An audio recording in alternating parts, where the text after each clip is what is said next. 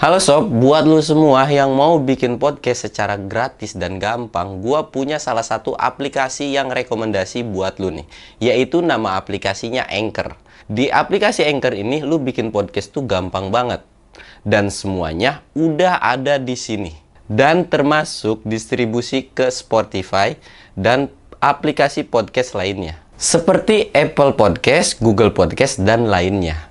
Jadi jangan tunggu lama-lama lagi, segera download aplikasi Anchor sekarang juga dan selamat mencoba. Assalamualaikum warahmatullahi wabarakatuh. Balik lagi sama gua Samsul Mister Horror. Sekarang penonton gua jadi manusia kepala galon Sesuai request lu Pokoknya kemarin tuh ada yang request manusia galon Nih udah ada nih manusia galon nih Udah jangan lu tanyain baik Bang itu galon siapa lu potong ya G? Lu mau tahu kagak ini galon siapa? Siapa? Galon orang, ini sebenarnya tong sampah di Astagfirullah Tadi gua lewat, gua ambil aja udah. Gua kira itu galon orang korban banjir anjir. Udah bang lu mandi dulu sana dah Mandi Udah ya. dulu ya, ya udah udah udah Bangke, mandi, mandi, mandi. Kali ini gua bakal ngebawain cerita dari warga Kalimantan lagi nih. Dia tuh salah satu pendaki juga. Cuman dia punya pengalaman ketika dia ngebanduin atau jadi relawan nyari orang hilang di salah satu bukitan yang ada di Kalimantan. Nah, buat keseruan ceritanya atau lu pengen tahu ceritanya, lu wajib pantengin channel ini terus. Dan buat lu semua, kalau yang mau support gua, jangan lupa subscribe channel gua, like dan komen juga dan jangan lupa juga di-share juga biar video gua banyak yang nonton.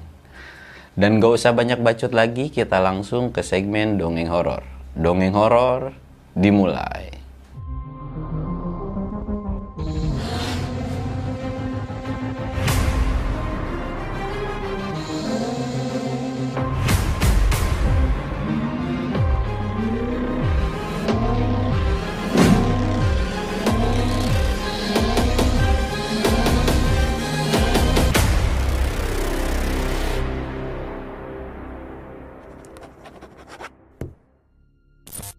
Sebelum masuk ke ceritanya, ritual kayak biasa.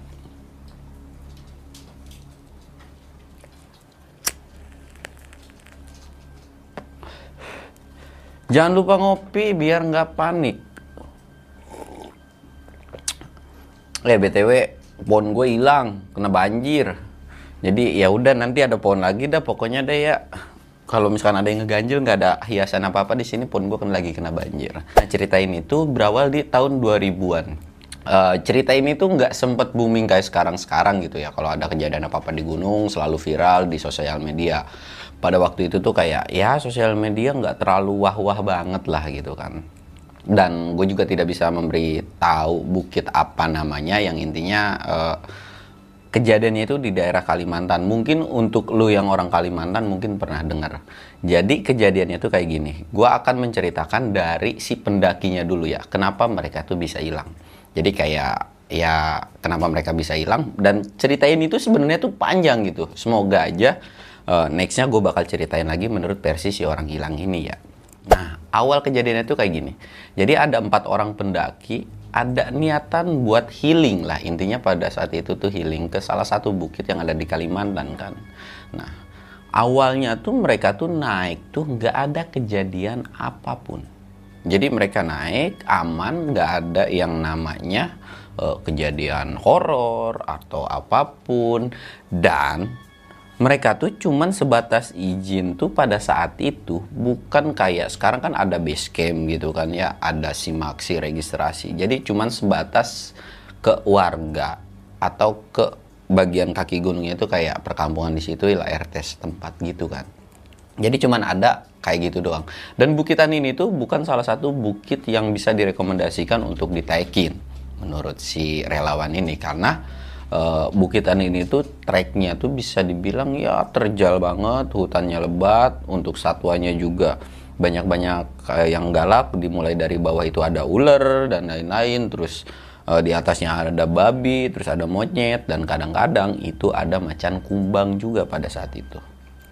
Nah singkat cerita mereka kan udah sampai puncak nih. Nggak tahu gimana ya namanya sesama temen gitu kan berempat ini kayak ada satu tanaman jadi kayak mereka challenge. Jadi kayak yuk seru-seruan atau fun di gunung gitu kan. Mereka challenge. Jadi kayak yuk makan daun ini gitu kan. Tapi bukan daun ganja ya. Nah jadi mereka tuh eksperimen gitu ya. Ya sebenarnya sih nggak salah ya. Nggak salah ngelakuin hal kayak gitu. Dan kadang gue mikir ini orang aneh-aneh aja gitu. Kayak ngapain sih? gitu kan. Tapi ya sudahlah namanya juga kenakalan remaja gitu kan mereka makan satu daun pertama nggak tahu lah jenis daun apa mereka makan. Wah ternyata rasanya gini ya. Nggak ada efek samping tuh nggak ada efek samping apa pun. Jadi kayak cuman sebatas agak keset terus agak-agak pahit dikit gitu dan mm, satu jam dua jam tuh nggak ada reaksi apa pun gitu kan. Mereka masih normal. Mereka makan lagi untuk satu beberapa tanaman gitu kan. Dan ada beberapa tanaman yang memang mereka tahu juga dan memang itu nggak beracun sampai akhirnya di tanaman terakhir atau daun terakhir mereka makan. Dan itu uh, menurut si empat orang ini mereka tuh makan make nasi pakai sambal kayak gitulah intinya buat lauk. Dijadiin lalapan gitu kan mereka makan. Baru 10 menit jadi kunyahan pertama kan langsung masuk gitu kan mereka juga makan ya bentaran doang gitu kan 5 menitan baru masuk. Mulai kerasa kayak pusing pening gimana gitu pokoknya kayak pening gitu. Pertama dialamin tuh sama si satu orang dulu kan dialami sama satu orang pas lagi pening kayak gitu pusing kayak gitu mendadak empat orang ini semua sama ngalamin. Dan mereka nggak muntah-muntah atau nggak nggak apa ngeluarin isi uh, muntah gitu nggak. Cuman sebatas pening kok makin ke sini makin pening makin pening. Tapi nggak buat mereka kayak pingsan atau apa pun pening aja terus kepalanya. Sampai akhirnya mereka mulailah kayak uh, ngehalu lah bisa dibilang ngehalu atau kayak mereka ngelihat sesuatu hal yang uh, nggak lazim atau di luar di luar batas nalar mereka gitu. Jadi si satu orang ini tuh kayak ngelihat satu kampung, tiba-tiba depan ada satu kampung dan si satu orang lain itu ada yang ngelihat kayak ada sosok serem. Si satu orang lagi kayak ngelihat ya pemandangan ya intinya sesuatu yang memang di luar batas nalar gitu kan. Dan pas mereka sebelum makan daun itu tuh kayak normal hutan belantara kayak biasa gitu. Nah sampai akhirnya si satu orang ini yang melihat makhluk serem. Karena dia takut dia lari. Dan ketiga temennya tuh nggak ada yang sadar. Mereka kayak punya dunia fantasinya sendiri atau mereka kayak ya seneng sendiri gitu nggak sadar lari nggak tahu ke mana. Sampai akhirnya ketika efek dari uh, makan alaban itu menurut si pengakuan tiga pendaki ini tuh sekitar ya kurang lebih mereka makan tuh siang hampir mau sore gitu kan ya. Mereka sadar-sadar tuh jam 12 apa jam 1 gitu. Dan itu pun mereka kondisi tidur dalam di luar gitu kan. Dan pas mereka sadar mereka nyariin satu temennya nggak ada. Nah dari situlah mulai mereka panik. Sampai akhirnya datang pagi dan ketika datang pagi mereka tuh sempat nyari dulu sampai jam 12 siang. Kayak kan ada bekas larinya tuh dicari dan itu nggak ketemu nggak tahu ke mana.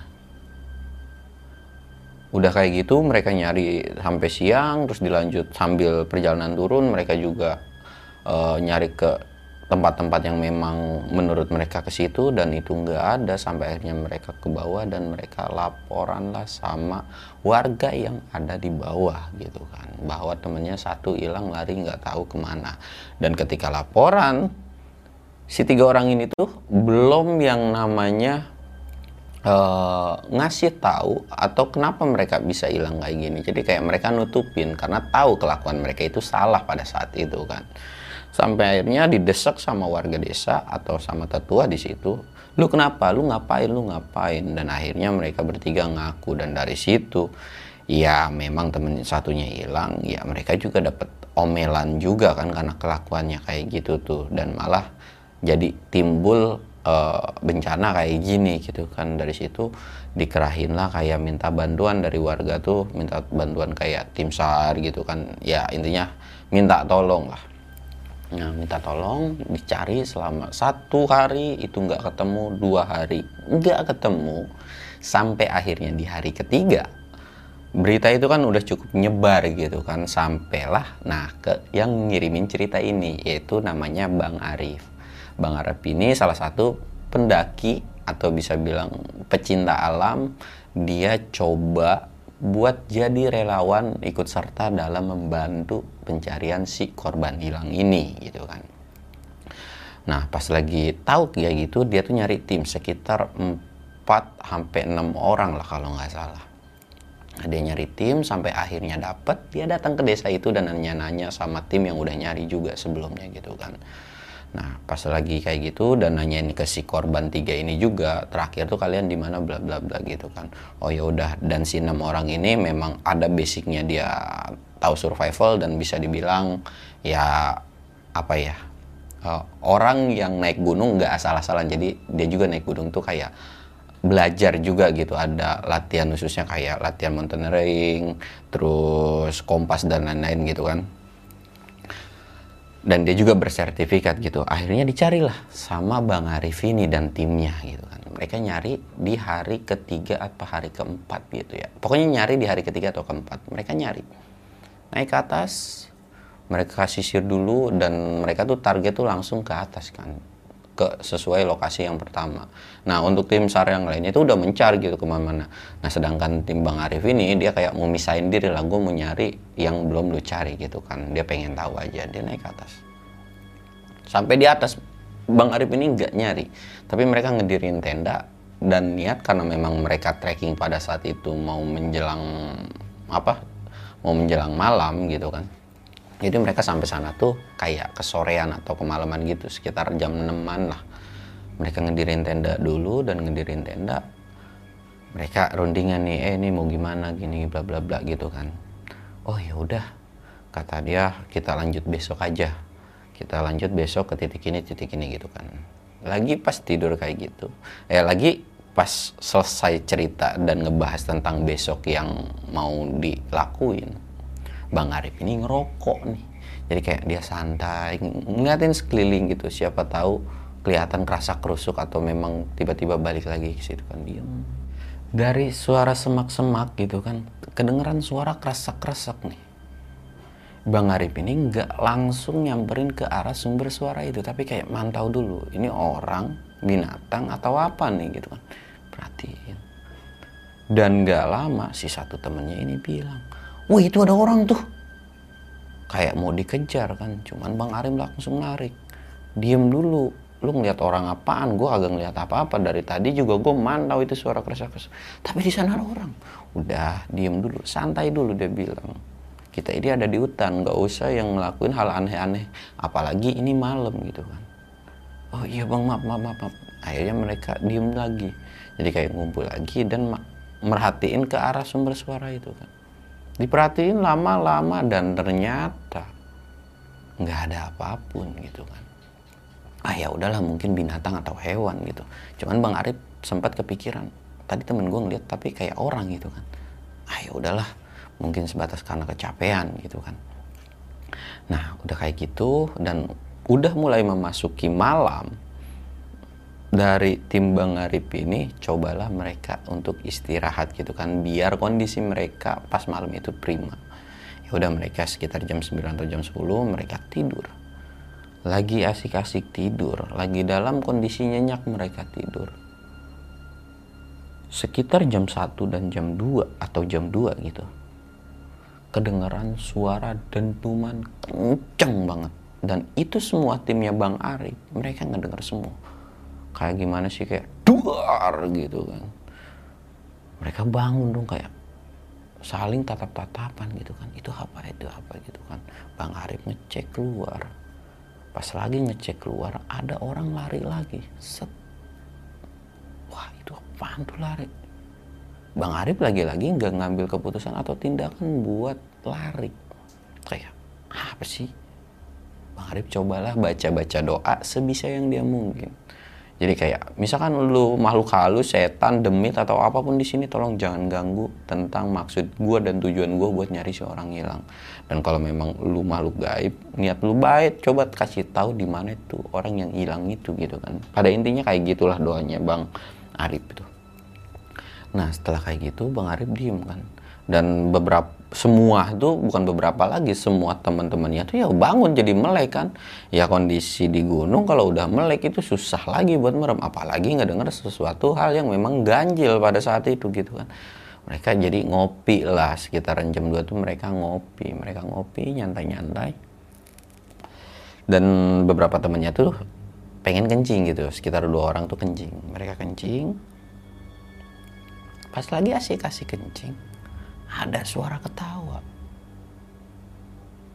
Ya, lu udah pasti tahu kalau ketawa tuh ketawa siapa gitu kan. Dilihat teman-teman di Bang Arif, astagfirullahaladzim. Dan dia manggil dong temennya, yuk cabut yuk, cabut yuk. Dia bilang, apa Diketawain tante kun, dia bilang, tante kun apaan? Kuntilanak. Wah, kuntilanak dari mana sih? Gitu kan. Lu lihat ke kanan itu, ke kanan. Dilihat Astagfirullahaladzim. Mereka tuh kayak selesai kencing langsung disletingin langsung nunduk jalannya begini. Nunduk langsung nyamperin tenda. Ditanya dong sama Bang Arif, ngapain lu pada ini pada pucet muka? Ada kuntilanak, ada kuntilanak bang. Ah kuntilanak mana lu ngalu kali baru bangun tidur ngelidur gitu. Beneran bang di sana ada. Dan si kuntilanak itu ternyata nyamperin. Dan itu ketawa di atas tenda mereka. Dan yang paling parah, kuntilanaknya bukan putih menurut Bang Arif itu. Semua serba merah jadi kuntilanak merah. Ya menurut beberapa kepercayaan atau mitos, kuntilanak merah itu biasanya kuntilanak paling nyeremin, paling ngeselin dan paling barbar gitu kan. Astagfirullahaladzim bener dong. Bang Arif cuma diem dan sambil ngeliatin sosok itu gitu kan. Dan kuntilanak itu mendadak kayak terbang nggak tahu ke mana. Wah udah terbang gitu kan udah aman. Dan dengan pikiran oh udah aman udah terbang gitu kan. Mendadak dari belakang tenda mereka sosok kuntilanak itu langsung berdiri. Dan lu tahu mereka ngomong apa? Atau si kunti itu ngomong apa? Lu udah nggak sopan kencing di area gua dari situ bang Arif kayak langsung bengong dong kencing. Lu kencing di mana? Gitu kan kayak melotot ke si temennya itu lu kencing di mana? Gitu kan. Di sono bang gini gini gitu kan. Mereka tuh bisik-bisik gitu kan bisik-bisik bisik-bisik. Dan itu hampir niban salah satu dari timnya Bang Arif ini. Jadi mendadak ada ranting atau dahan foto jatuh. Gubrak dan itu beneran hampir kata Bang Arif tuh. Bang Arif langsung astagfirullahaladzim. Wah udah nggak beres nih kata Bang Arif. Bang Arif langsung ngambil tanah diambil nggak tahu dibacain doa apa atau bacaan apa dan langsung dilemparin ke si kuntilanak itu. Dan mendarat si kuntilanak itu kayak mundur perlahan gitu kan. Dari situ Bang Arif bilang gua di sini gak ada urusan sama lu kalau memang temen gue ngelakuin kesalahan maafin. Karena nggak tahu juga rumah lu di mana dan lu juga nggak ngasih pelanggan gitu kan intinya. Ini rumah gue gitu. Ya udah maafin aja. Toh juga mereka permisi permisian kencing di situ tuh gitu. Dari situ mundur pelan pelan dan si kuntilanak itu ketawa sambil bilang lu semua nggak bakalan aman ada di kawasan ini wah dari situ Bang Arif udah bener-bener dan timnya tuh nggak bisa tidur gitu kan sampai pagi karena diteror terus sama si sosok kuntilanak merah ini. Dan yang paling parah itu selalu ada dahan pohon yang jatuh seolah-olah kayak mau ditibanin ke timnya Bang Arif ini. Ya mereka sempat was-was dong dan mereka pun sempat kayak bergeser ke tempat yang nggak terlalu rimbun sama pohonnya gitu kan dan setelah pindah ya gangguan tetap ada. Walaupun nggak berupa jatuhan bahan dahan-dahan atau ranting pohon gitu kan. Tapi mereka nggak bisa tidur sampai pagi. Dan terus bener-bener diteror sama yang namanya ketawa suara-suara aneh dari si kuntilanak merah itu gitu kan. Sampai akhirnya memasuki pagi mereka mulailah. Dan mereka menghiraukan tentang si sosok setan ini. Karena buat Bang Arif dan timnya itu nyawa manusia itu lebih penting. Apalagi takutnya udah ditungguin sama keluarganya. Terlepas dari sudah meninggal atau ya bisa dibilang sudah tidak bernyawa gitu kan ya udah yang penting kita cari dulu ikhtiar lagi. Takutnya kayak gimana kayak gimana gitu kan. Akhirnya mereka diputusin lah nyari dan dibentuklah menjadi dua kelompok. Ya masing-masing dari satu kelompok itu tiga orang kata bang Arif tuh. Bang Arif nyari kayak eh, silang lah. Jadi yang satu nyari ke kanan yang satu nyari ke kiri gitu lah. Akhirnya ya udah mereka diputusin nyari bertiga. Mereka nyasar nyasar ke salah satu apa ke salah satu ya tempat yang menurut mereka mungkin ke sini mungkin ke sini gitu kan. Dan mereka juga ngecek ke beberapa tebingan. Dan Bang Arif itu nyari sampai sekitaran jam 12 sampai jam 1 siangan lah dan pas selesai nyari itu kan kayak mereka kan ngebreak ya jam 12 atau jam 1 tuh ngebreak buat makan siang kan. Pas lagi mereka ngebreak mereka makan dan mereka kumpul lagi di satu titik gitu kan makan. Dan setelah makan mereka nyari lagi. Lanjut nyari lagi sampai diputuskanlah jam 4 gitu kan. Mereka nyari lagi dan pas mereka nyari lagi Bang Arif ini papasan sama bisa dibilang kayak orang tua lah. Jadi dia tuh mau ngecek ke salah satu tebingan kan. Jadi misalkan dibagi kan Bang Arif ini timnya tiga kan nggak mungkin re- rempetan juga. Jadi kayak untuk satu spot mereka nyari yang satu ke sini yang satu sini. Bang Arif melihat salah satu orang bisa dibilang kakek-kakek atau sepuh gitu kan dan perawakannya itu manusia. Dilihat kok ada orang.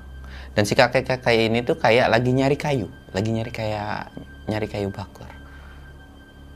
Bang Arif penasaran dong dan kok ada gitu kakek-kakek masuk ke bukitan ini. Ya Bang Arif tuh tahu bukitan ini tuh eh, jarang ada orang bisa dibilang kalau untuk sampai di sini tuh nggak mungkin banget gitu ada orang ke sini apalagi ini orang tua gitu kan. Cobalah memberanikan diri Bang Arif ini datang. Datangin si kakek-kakek itu kan. Dan pas dia datangin Bang Arif kayak ngucap salam dan nyapa si kakek itu kan.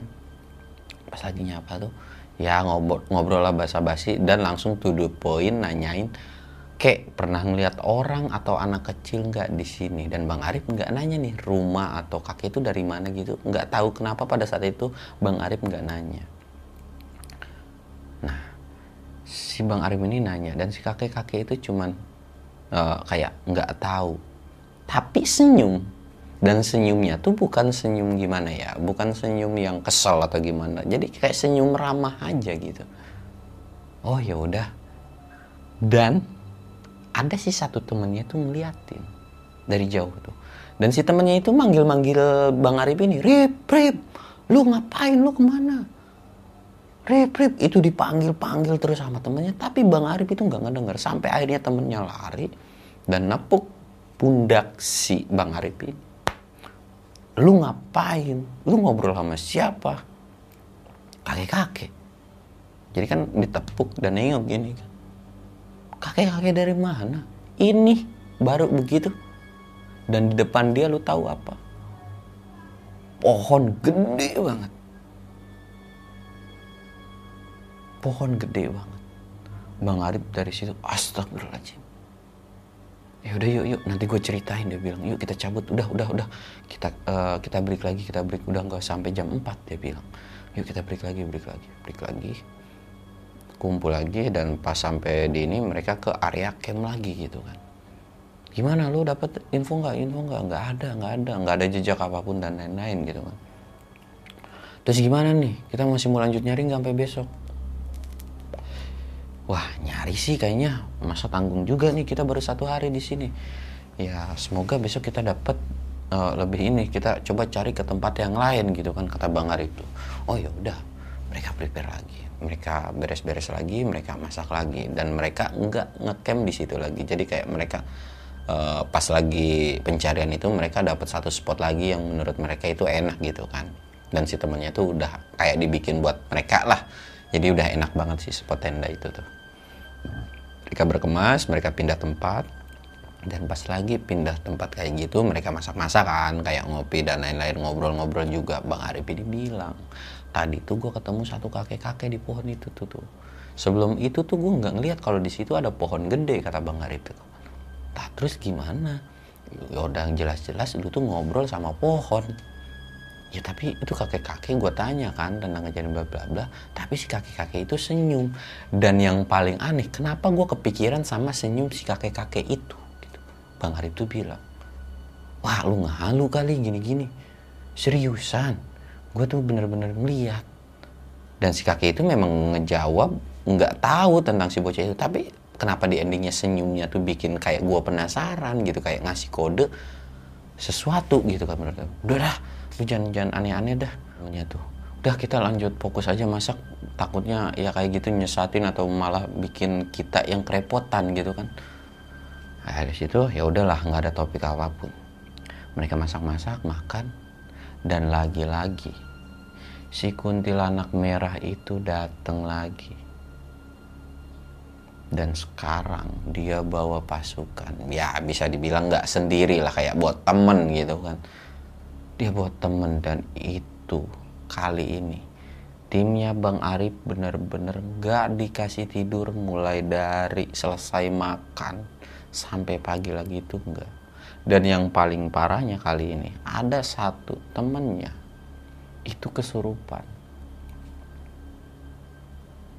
Dan udah coba dibacain doa di netralisir gitu sama Bang Arif itu susah banget keluarnya sampai Bang Arif tuh bingung gitu kan. Ya karena bingung ya udah diikat tuh temennya di dalam tenda masukin. Dan suara dari si temennya yang kesurupan ini itu ngegeram kayak macan. Bang Arif tuh sempat panik sebenarnya kayak kok lu kesurupan? Nggak kayak biasanya gitu. Kayak kesurupan kok mendadak kayak ngegeram tapi kayak suara macan oh, gimana? gitu kan makanya tuh aduh astagfirullahaladzim. Ya mudah-mudahan di sini gua nggak ketemu macan nggak ketemu macan gitu kan. Dan sampai akhirnya ternyata lagi kecapean kayak gitu kan dan teman-temannya Bang Arif ini lagi ya di luar gitu kan buat nungguin si satu orang teman kesurupan.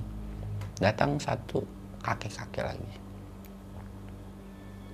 Yang lima ini termasuk Bang Arif mereka nggak bisa gerak nggak bisa ngapa-ngapain. Intinya duduk cuman merhatiin aja. Matanya bisa ngelirik sana sini tapi nggak bisa ngapa-ngapain. Mau ngomong pun susah.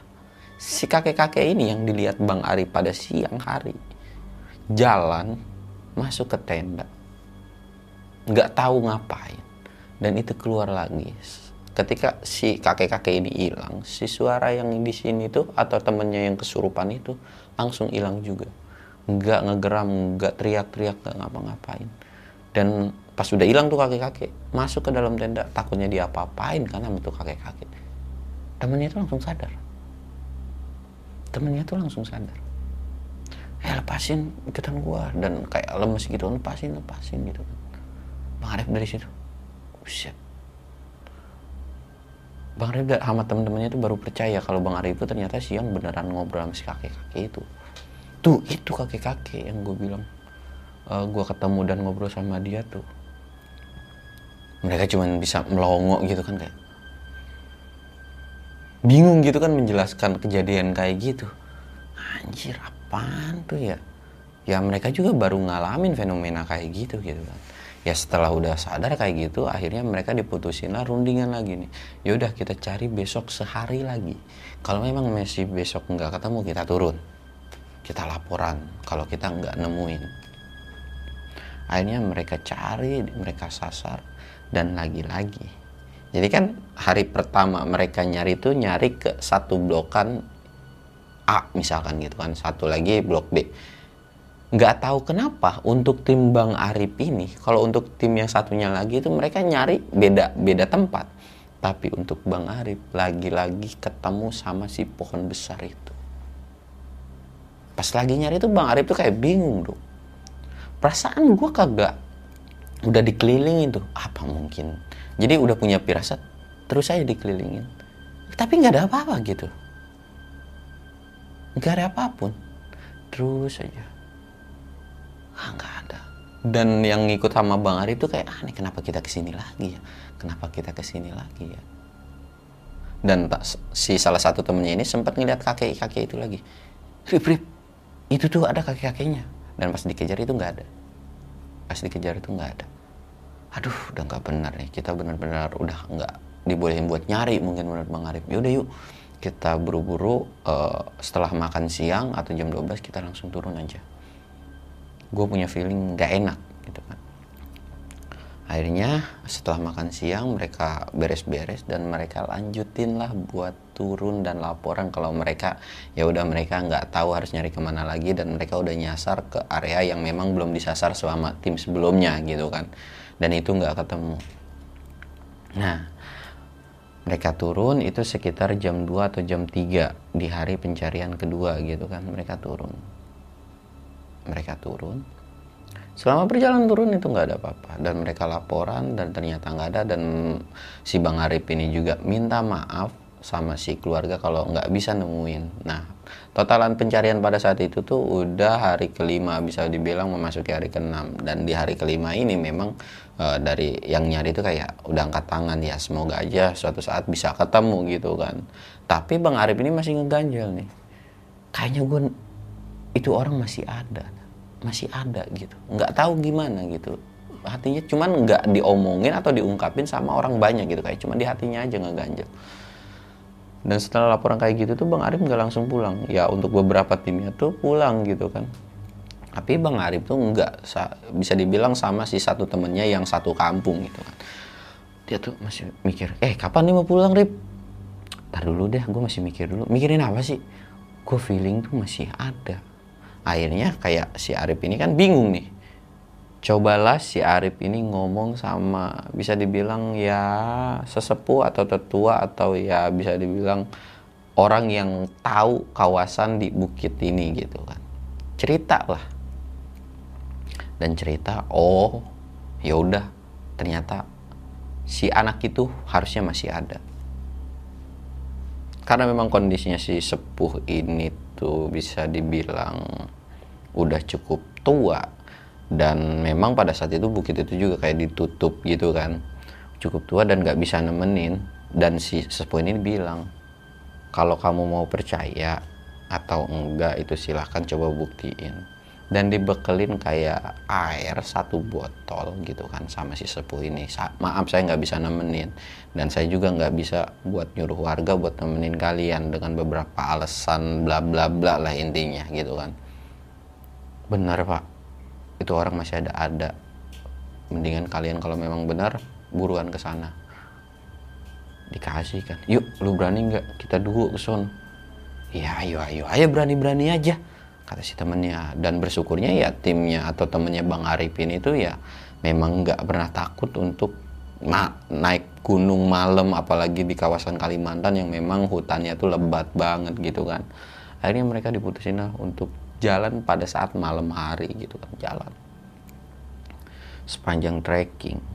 Sampai akhirnya mereka tuh di pertengahan tuh kalau awalnya kan mereka diganggu tuh sama sosok-sosok kuntilanak merah itu. Tapi mereka udah mulai, memasuki pertengahan pertengahan trekking mau ke area si pohon itu.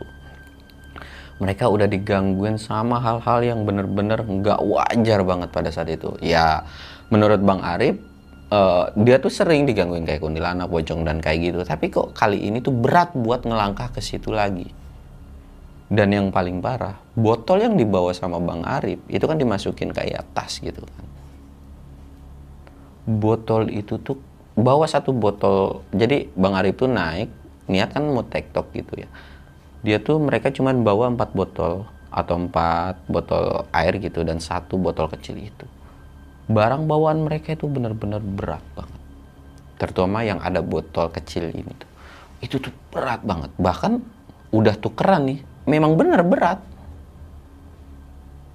Bang tuh udah nggak tahu lagi tapi karena memang mereka yakin nih gue yakin nih orang harus ketemu gitu dan ini memang cobaannya kalau memang mau ketemu gitu kan jalan terus jalan sampai akhirnya mereka ketemulah sama si pohon ini dan Bang Arif langsung ngambil botol lu tahu mendadak si botol yang di dalam itu pertama air putih itu jadi merah kayak darah.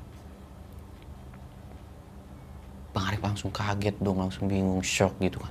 Astagfirullahaladzim, masa iya sih sesepuh di sini ngasihin gua air darah? Perasaan tadi kita lihat beneran air putih dah. wah gue juga kagak ngerti dah dia bilang bener nih. Ini apa? Ah bingung kan dia. Bang Arif nggak langsung ngawurin tuh airnya nah si temennya ini dia nggak denger kayak suara orang minta tolong. Tapi pelan banget. Tapi suaranya kengiang-ngiang tapi Bang Arif nggak ngedenger. Rip, Rip, ada yang minta tolong tuh. Itu kayaknya tuh. Wah, gue nggak ngedenger apa-apa. Coba lu dengerin. Bang Arif berkali-kali masang kupingnya kayak ngedengerin ada suara minta tolong. Itu Bang Arif nggak ngedenger apa pun.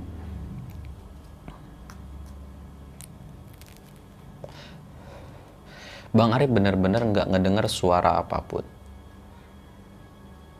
Didengerin terus didengerin, bener nggak ada. Dan Bang Arif bingung kan antara mau mau jadi si air itu tuh su- disuruh buat disiramin ke area pohon itu gitu kan. Tapi bingung dengan kondisi yang merah kayak darah gitu kan dan ngelihatnya tuh kayak kental gitu kan. Bingung tuh. Lagi bingung kayak gitu, Bang Arif coba doa dan baca ayat kursi sebanyak 20 kali kalau memang ini benar air warnanya merah ya udah gue bakal tetap aurin gitu. Dan kalau memang ini cuma sebatas tipu daya dari setan sini tolong balikin jadi warna putih gitu kan. Setelah baca doa dan baca ayat kursi dan ternyata benar. Air yang tadinya merah itu berubah jadi putih lagi. Eh airnya putih lagi kata bang Arif. Lah iya kata temennya tuh kan ya udah dah. Coba kita eh, aurin dah ini air. Baca Bismillah di aurin. Dan itu nggak ada kejadian apa-apa.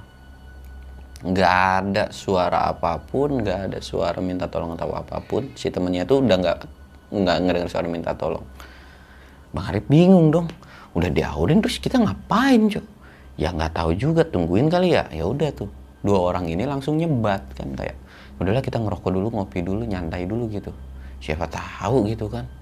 Atas izin Allah tiba-tiba keluar tuh orang gitu dari dalam pohon gitu. Sekalipun iya ya udah kita nggak usah kasih tahu orang gitu. Toh kalau dia percaya dikasih tahu pun mereka nggak akan percaya kata bang Ari udah biarin aja dah. Kita yakin aja yang penting tuh anak ketemu gitu. Mau hidup mau udah nggak bernyawa ya udah. Mereka ngerokok ngabisin ngerokok sebatang dua batang tiga batang gitu kan nggak lama ada suara kedengaran nangis. Mereka berdua saling celangat celingak dong. Orang apa setan gitu kan kayak bang Arif. Nggak tahu coba yuk kita coba. Jadi mereka tuh padahal udah melipirin pohon itu ya. Mereka cek. Mere- mereka tuh ngecek ke belakang pohon itu dan lu tahu si orang yang hilang itu kondisinya lagi jongkok begini, lagi begini, dan itu nangis.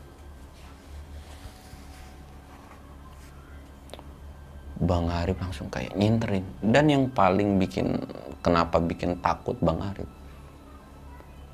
Eh, info yang Bang Arif terima, kondisi si anak ini tuh bisa dibilang sehat.